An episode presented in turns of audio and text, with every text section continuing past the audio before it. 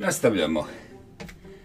Ovo je deveto poglavlje psihologije Palanke od Radomira Konstantinovića pod naslovom Smrt i filozofija Palanke. Smrt Boga u pozitivističko-empiričkom duhu Palanke pripada onom istom krugu smrti, smrti koji bi se mogao naznačiti kao smrt noći i u kome se dešava i smrt same smrti. Duh palanke ne priznaje apsolutnu smrt. Za njega nema čiste smrti. Smrti je također funkcija svijeta, palanke, svijeta palanke, ona nije jedina sila koja stoji iznad palanačkog svijeta koji se bez odnosnosti sa smrću predstavlja kao nosilac opšte ideje o društvenom redu stvari koji je apsolutan pa zbog toga je takav i pred samom smrću društvo je iznad smrti. Smrti je obuhvaćena društvom, ali na taj način što je svedena na jedan čin. Ona nije nesvet u svetu, ni štavilo u biću, negacija pokreta i vremena. Ona je činjenica među drugim činjenicama i kao takva ona se podruštvljuje.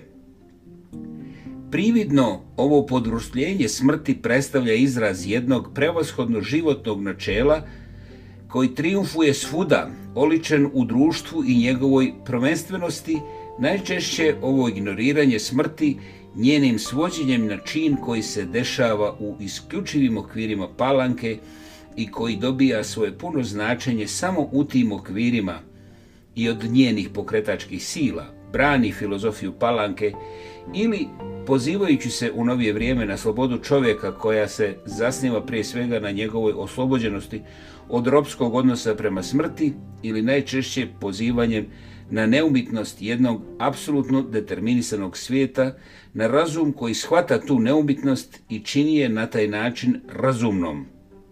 Smrt je neminovna, a naša svijest o njenoj neminovnosti je znak naše zrelosti ili određenije naše razumnosti. U oba slučaja, međutim, nedvosmisleno progovora, progovara duh palanke.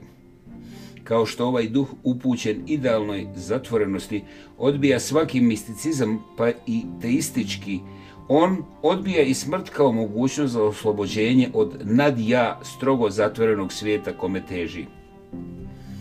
Sloboda na koju se on poziva govoreći o oslobođenosti od ropskog odnosa prema smrti, ravna je slobodi koju on stremi odbijanjem tragedije i njenim svođenjem na čisti sukob, a koja je sloboda od egzistencije, od slobodnog samostvaranja subjekta. Tamo gdje nema priznavanja tragedije, nema ni priznavanja smrti.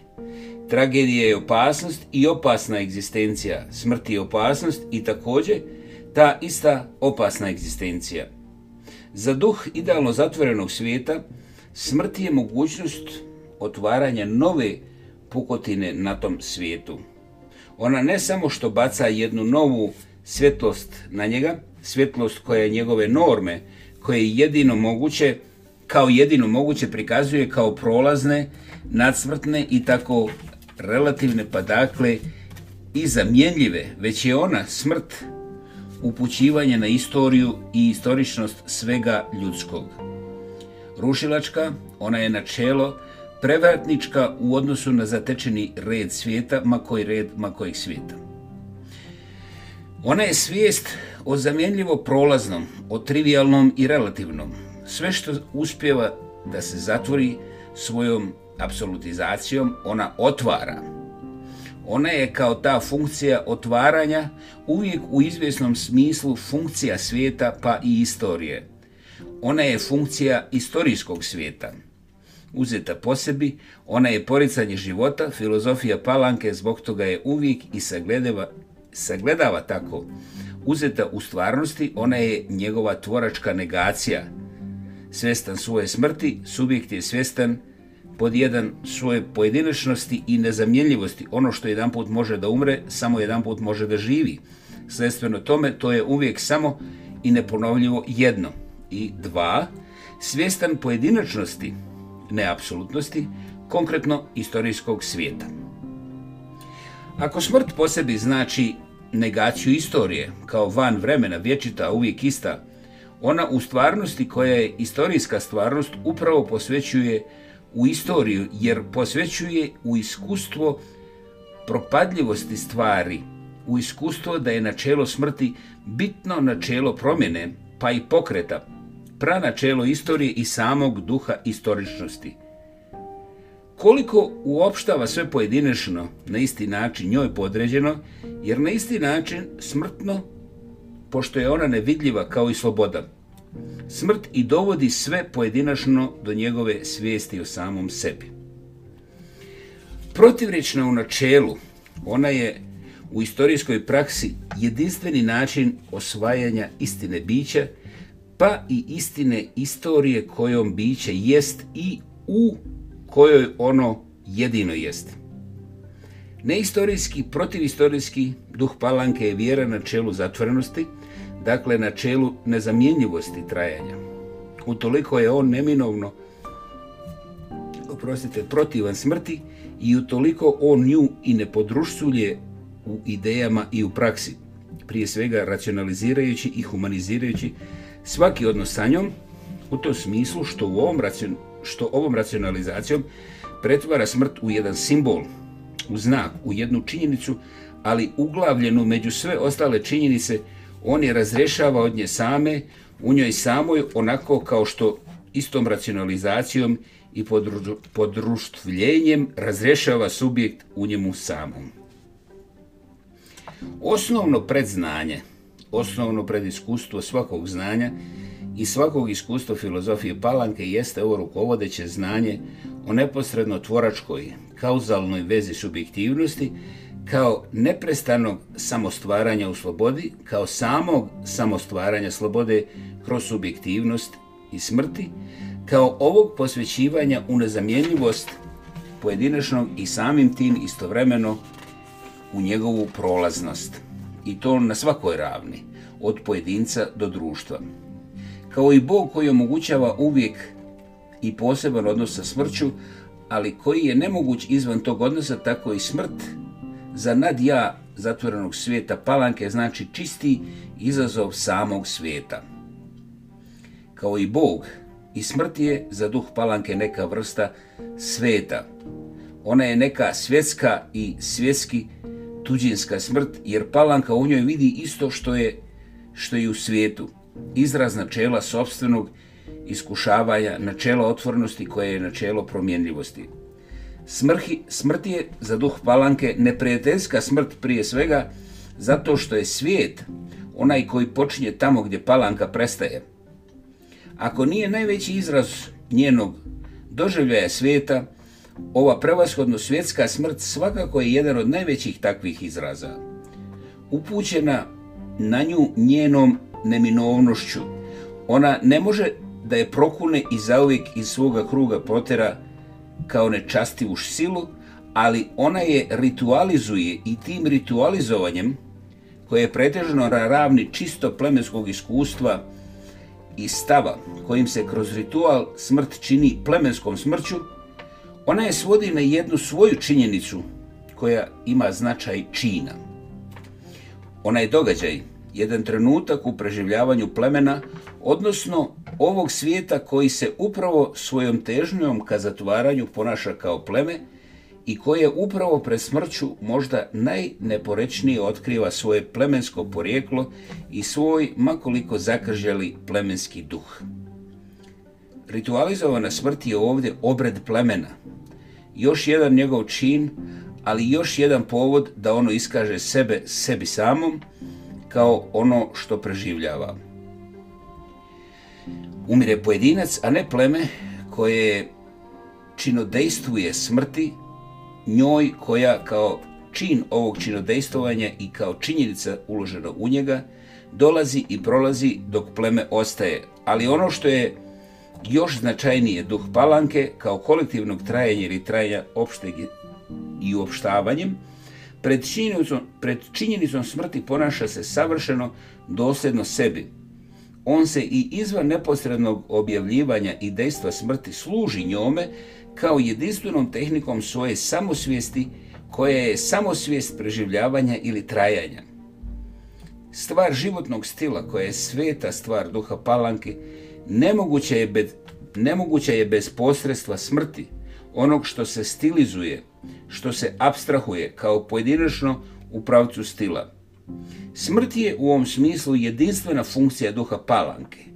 Dogođena kao prirodna smrt, ona potvrđuje ovu funkciju palanačkog duha njegove svakodnevne prakse.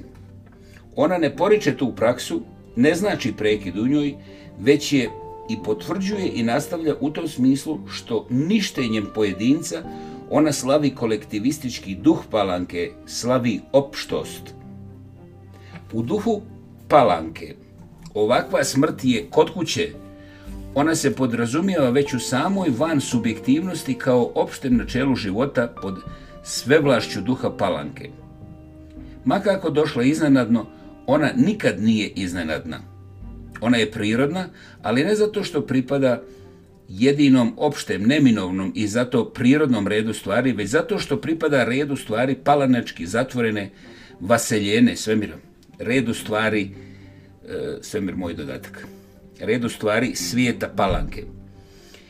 Izvan ovog maksimalno mogućeg zatvorenog svijeta u otvorenom, višesvučnom i višeobličnom svijetu, u onome bezbrojnih mogućnosti u svijetu u kome red stvari nije tako konačan kao u svijetu palanke, ni tako neminovan i u kome praksa stilizacije uopštavanja pojedinca nije svakodnevna praksa, smrt nikada ne može da bude ovako prirodna.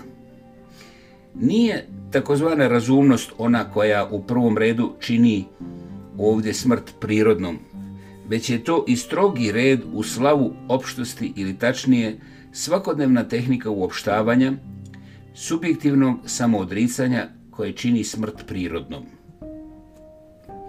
U tom smislu smrt je jedino prirodna u plemenu.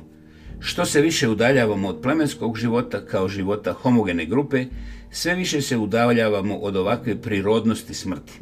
Ali sve više se približavamo istinskoj smrti koja je smrt pojedinca, neponovljivog i jedinstvenog u samom sebi kao i jedinstveni i neponovljivi kosmos i zbog toga je stvarna, odnosno potpuna smrt, smrt vaseljenska, svemirska malo čas rekao, smrt čitavog jednog svijeta. Bez te potpune smrti, nje kao smrt, smrti čitavog jednog svijeta, Nema doživljaja smrti, što znači da bez punog osjećaja univerzuma pojedinca, ličnosti, nema ni osjećaja smrti, koje osjećanje je uvijek osjećanje nad neprirodnosti njene, jer je osjećanje rođeno u nemiranju pojedinačnog sa svojim nestajanjem, u nemiranju za koje je sposobna samo svijest o pojedinačnom. Zato i ne može da bude čudo što se pojedinčevo samotraženje razvija uporedo i istovremeno, čak i u istom pokretu bića sa traženjem smrti, što radoznalo subjekta za ispunjenje svojih mogućnosti, za ostvarivanje svoje stvarnosti koja mu je data kao obećanje, a koju on treba da ostvari, ide istovremeno i ovim istim mahom bića sa radoznalošću za smrt. Svako izlaženje iz plemena, pa i iz svijeta palanke u pravcu novije gradske i građanske kulture i civilizacije, odlikuje se jakim osjećanjem smrti, naglašenim interesovanjem za smrt. Pojedinačna smrt jeste u funkciji upojednačivanja bića. Ako traži sebe, pojedinačno biće to čini puteni traženja svoje smrti. Zanimljivo. Pojedinačno biće to čini upojednačivanja puteni traženje svoje smrti. Ne kužim, ali sam dobro pročito dva put. Pojedinačno bit će to čini puteni traženja svoje smrti ili svog odnosa sa tom svojom smrću. Te kroz taj odnos ono se usamljuje, ono se vraća iz opštosti svijeta kome je pripadalo, sasvim nejasno i sumnjivo subjektivno svoje usamljenosti, odnosno svojoj usamljenoj pojedinačnosti. Bez ovog stupanja u odnos sa smrću ono nikad ne bi moglo da upozna svoju pojedinačnost. Dar za smrt je dar za pojedinačno. Očajanje kojim se pojedinac u ovom pokušaju oslobođenja od svoje uopštenosti javlja i kojim najčešće oglašava ideje o uzaludnosti života, o odsustu svake njegove smislenosti, svakog njegovog svrsishodnog smisla, u dubini svojoj jeste jedno lažno očajanje, jer je jedino očajanje koje se hoće. Dok očajava, vraćajući se neprestano motivu svog očajavanja, na neki način, čak primoravajući sebe i protiv prirodno na ovo očajavanje, bivajući paradoksalno načelno očajan subjekt ovdje, pronalazi prve veoma sumnjive i za njegov duh skroz nedovoljne veze sa smrću, ali on ih ipak nalazi. Te veze su prve njegove veze sa sobstvenom pojedinačnošću, što sve neizbježno mora da bude propraćeno ako ne već jednom nevešto skrivenom radošću, koja je radost oslobađanja, a ono izvjesno znacima jedne upornosti koja ide sve do same agresije. Njegov izraz je protivrečno očajno srećen ili je ne manje paradoksalan izraz snažne volje koja se oglašava očajavanjem i poricanjem smisla svakog napora i svake volje. Snaga i očajanje ovdje se miješaju u ovom očajništu kao funkciji stvaranja pojedinačnog. Pesimizam koji odlikuje epohu izlaska iz zatvarajućeg duha palanke je pesimizam usamljenog bića, bačenog u pravcu svijeta koji počinje tamo gdje počinje ovakva usamljenost, bića prognanog iz sigurnosti zatvoreno familijarnog, strogo ograniženog svijeta, ali i iz sigurnosti van egzistencijalne uopštenosti, ali to je i ovaj podsvjesno hteni pesimizam u podsvjesnom znanju o tome da pojedinačna smrt kao jedina prava i čista smrt – nesavladana uopštavanjem, nesimbolisana, netranscendentirana u simbol opšte vrijednosti svijeta duha palanke plemena, stvara pojedinačnost, vraća je iz uopštenosti. Pokret ka smrti, očajavanja zbog nje, ovim pesimizmom kome stremi čitavo biće, okrenuto svojoj budućnosti ličnosti, pa i budućnosti slobode, jest pokret vraćanja od simbolički uopštenog ka materijalno konkretnom, ka empirijski neposrednom, jedan veliki pokret redukcije. I ništa više. Ništa jasnije nego upravo ovaj pokret u času traženja smrti od simbolizacije ka empirički materijalnom, čulno iskustvenom, ne otkriva u kojoj mjeri je empirizam duha palanke i njegove filozofije, pa i njegov zdravorazumski, primitivni, naivni realizam u službi jedne neprestane, simbolizacije, pa u izvjesnom smislu i izvjesnog simbolizma i koliko je on zbog toga prividan. Vrhovni cilj filozofije Palanke nije empirija, makoliko da se ona na nju poziva, jer je empirija upoznavanje pojedinačnosti, makar i zaustavljene na pragu subjektivnosti, istinskog duhovnog tvoračkog stava, koji pretpostavlja upravo prevazilaženje ovakvog empirizma i uopšte svake neposrednosti, svake činjenički očigledne istinitosti, taj vrhovni cilj je sama opštost koja je neempirijska, nadempirijska, nadčinjenična, u stvari simbolička, opštost koju se ne doseže, koju ne doseže naivni realizam, pa je i zbog toga samo podrazumijeva.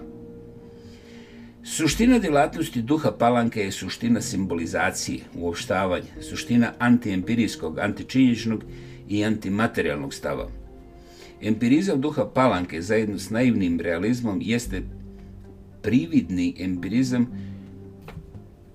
koji je u službi vječitog i sveprisutnog dana, ali dana koji je ovaj veliki simbolički dan, ovaj dan koji usimbolisanog svijeta i u njemu usimbolisanog pojedinca. Protivan svakoj transcendenciji i uopšte svakom preobražaju, duh palanke je to kao jedan duh već usimbolisanog i već preobraženog svijeta kome on beskonačno teži, beskonačnim protivljenjem svijeta simbolizaciji, i čiju sliku pretpostavlja stvarno postojećem svijetu koji pokušava da zatvori svoj ovjekovečen sistem vrijednosti. Prividnost njegovog empirizma i materializma, koji su njegovi racionalni izrazi protiv rješenja njegovoj suštini, otkriva se upravo časom otkrića smrti. Svjetlost ove žudnje za konačno činjeničnom, apsolutno smrti, bolje nego i jedna druga svjetlost otkriva protiv rješenost duha Palanke i njegove filozofije, ali tako što je otkriva kao nužnu jer kao datu samom nužnom protiv rječnošću ovoga duha u njemu samom, ako je on, kao duh trajanja jedinstveno zatvorenog, nužno okrenut simbolisanju i transcendiranju svega pojedinečno prolaznog, tako da upravo i jeste, ili upravo i biva, ovom neprestanom transcendencijom svega neposredno stvarno datog, on kao objedinjavajuće nadija svakog duha i u istom nemirenju sa pojedinečnošću, teži zatvaranju i samim tim osuđen je da teži održavanju svega neposredno datog čak njegovom fetišiziranju. Njegov naivni realizam je u službi njegovog zatvaranja prema idealnom svijetu palanke, kao svijetu oslobođenog od svakog istorijski preobražilavačkog naloga, onako kao što je njegov determinizam u službi utvrđivanja datog poredka nadređenog volji za promjenom kao volji sveg pojedinačnog i pogotovo svega subjektivno-tvoračkog. Poricanje subjektivno-tvoračkog vodi, vodi ga i njegovom naivnom realizmu i njegovom izvaredno uprošćenom determinizmu. A nada sve, uprostite zamjena cvikera, cvikera, a nada sve njegovom determinističkom realizmu, ali ga istovremeno vodi transcendiranju i simbolizaciji i stilskom uopštavanju iste pojedinačnosti na njenom putu ka subjektivno tvoračkom stvaranju koje je takođe upravo transcendencija datog i preobraženje empirijski činjičnog. Protivriješnost duha Palanke i njegove filozofije jeste izraz unutrašnje protivriješnosti samog ovog duha koji je i duh realizma i duh transcendencije u istom nemirenju sa pojedinačnošću i njenom, njenim budućim subjektivno-tvoračkim idejstvom. Utoliko upućuje na činjeničnost u stilu svog realizma i naivnog empirizma, on protivriječi sebi jer upućuje i na činjeničnost pojedinačnosti, U pokušaju da bude duh zatvorenog svijeta, on je upućen na filozofiju činjeničnog svijeta, kao svijeta vrhovne, posljednje istine, ali u istom pokušaju on mora da protivriječi ovom svom stavu onako kako pojedinečnost kao usamljena u sebe zatvorena činjenica protivriječi idealu jednobraznosti koji ga i rukovodi u njegovoj težnji ka zatvaranju. Pojava pojedinačnosti koja ga ne samo izražava već i stvara – kao duh između plemenski jedinstvenog, zatvorenog i subjektivno tvoračkog, svetski otvorenog. Ovde se iskazuje ponovo u težnji te pojedinačnosti za sobom i u njenom strahu od sebe same.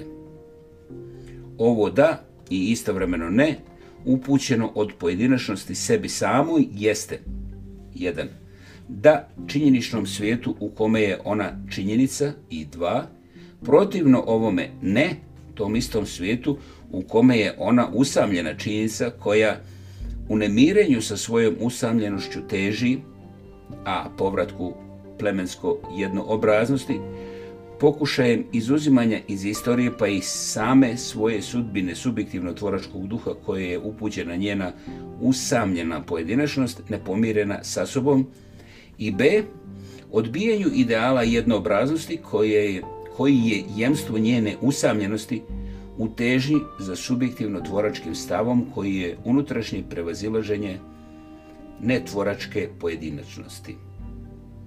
Strah pojedinačnosti od sebe same sa istom snagom upućuje plemenskoj jednobraznosti kao i subjektivnom tvoraštvu koji su bitno suprotni jedni drugom, ali kojima je zajednička nužnost preobražaja – nepriznavanjem datog kao date stvarnosti koje se podjednako protivi i plemenskoj jednoobraznom svijetu i svijetu subjektivnog tvoraštva i kojima je samim tim nužna tehnika simbolizacije i transcendencije neposredno činjeničnog.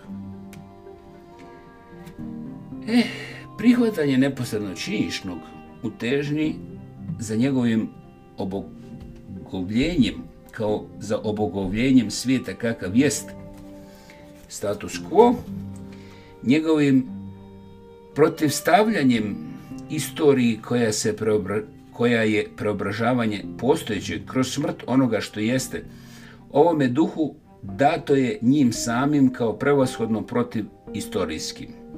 Svaki stav napuštanja činjenički, činjenički datog stav napuštanja naivnog realizma znači otvaranje tog činjeničnog datog kao zatvorenog i prodor istorijskog duha. Međutim, ova vjernost činjeničkom u suprotnosti je sa pojavom pojedinačnosti na koju duh palanke ne pristaje i biva tim nepristajanjem i na koju sama pojedinačnost istovremeno i pristaje i ne pristaje protivriječna sebi i kao takva upravo tim protivriječjem bivajući sam ovaj duh palanke. Ako je duh palanke upućen na smrt kao na svoju funkciju, bez koje ne bi bilo moguće preobraženje svega pojedinačnog u pravcu jednoobraznosti, odnosno kao na funkciju poricanja same smrti, simbolizacijom svega smrtno pojedinačnog, koja je simbolizacija njegove smrti, odnosno smrt te smrti, pojedinačnost koja izražava i stvara ovaj duh upućena je također na smrt kao na svoju funkciju, ali upravo ocijepljenjem od jednoobraznosti. Njena smrt mora biti njena, ono što će samo njoj da pripada i da bi ona bila samo ona, ta smrt mora da bude apsolutna, apsolutno materijalna, smrt koja je jedino kadra da neposredno dato pojedinačnosti vrati iz njenog stanja uopštenosti u simbolisanosti, u simbolistanosti, lijepo rečeno, u njoj samoj, ali kroz jedino moguće nemirenje ove pojedinačnosti sa sobstvenom smrću koju ovako protivrečno treba da hoće kao svoje uništenje u težnji za sobom kao osvješćenjem o sobstvenoj izvjesnosti.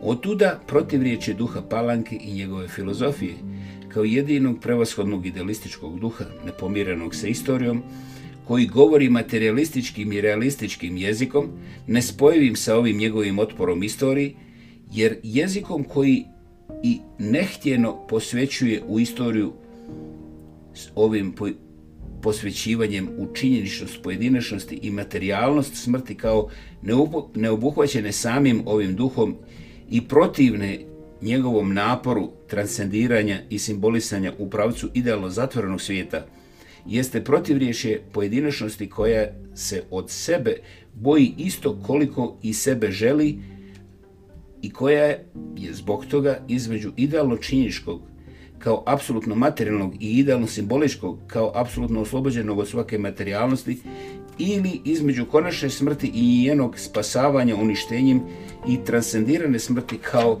njenog uništenja, spasenjem, preobraženjem u opštost, Zato se u ovoj nerazrešenosti duh palanke i javlja radosnim očajanjem od smrti kroz jedan htjeni pesimizam kojim ta željeno neželjena smrt koju želi od nje uplašena pojedinačnost nju ispunjava i kojom ona kao da želi da se ispuni znanjem o svojoj smrti kao o sebi samoj s radošću rođenja koja se miješa s grobljanskom sumrašnom svjetlošću kao da ovaj svijet ne može da se rodi drugčije nego na groblju i kao da na dan njegovog vraćanja iz abstrakcije u simbolisanog svijeta u istinsku empiriju egzistencije mora da pada kiša.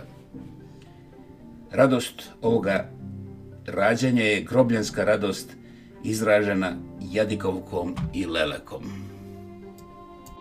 Thank you.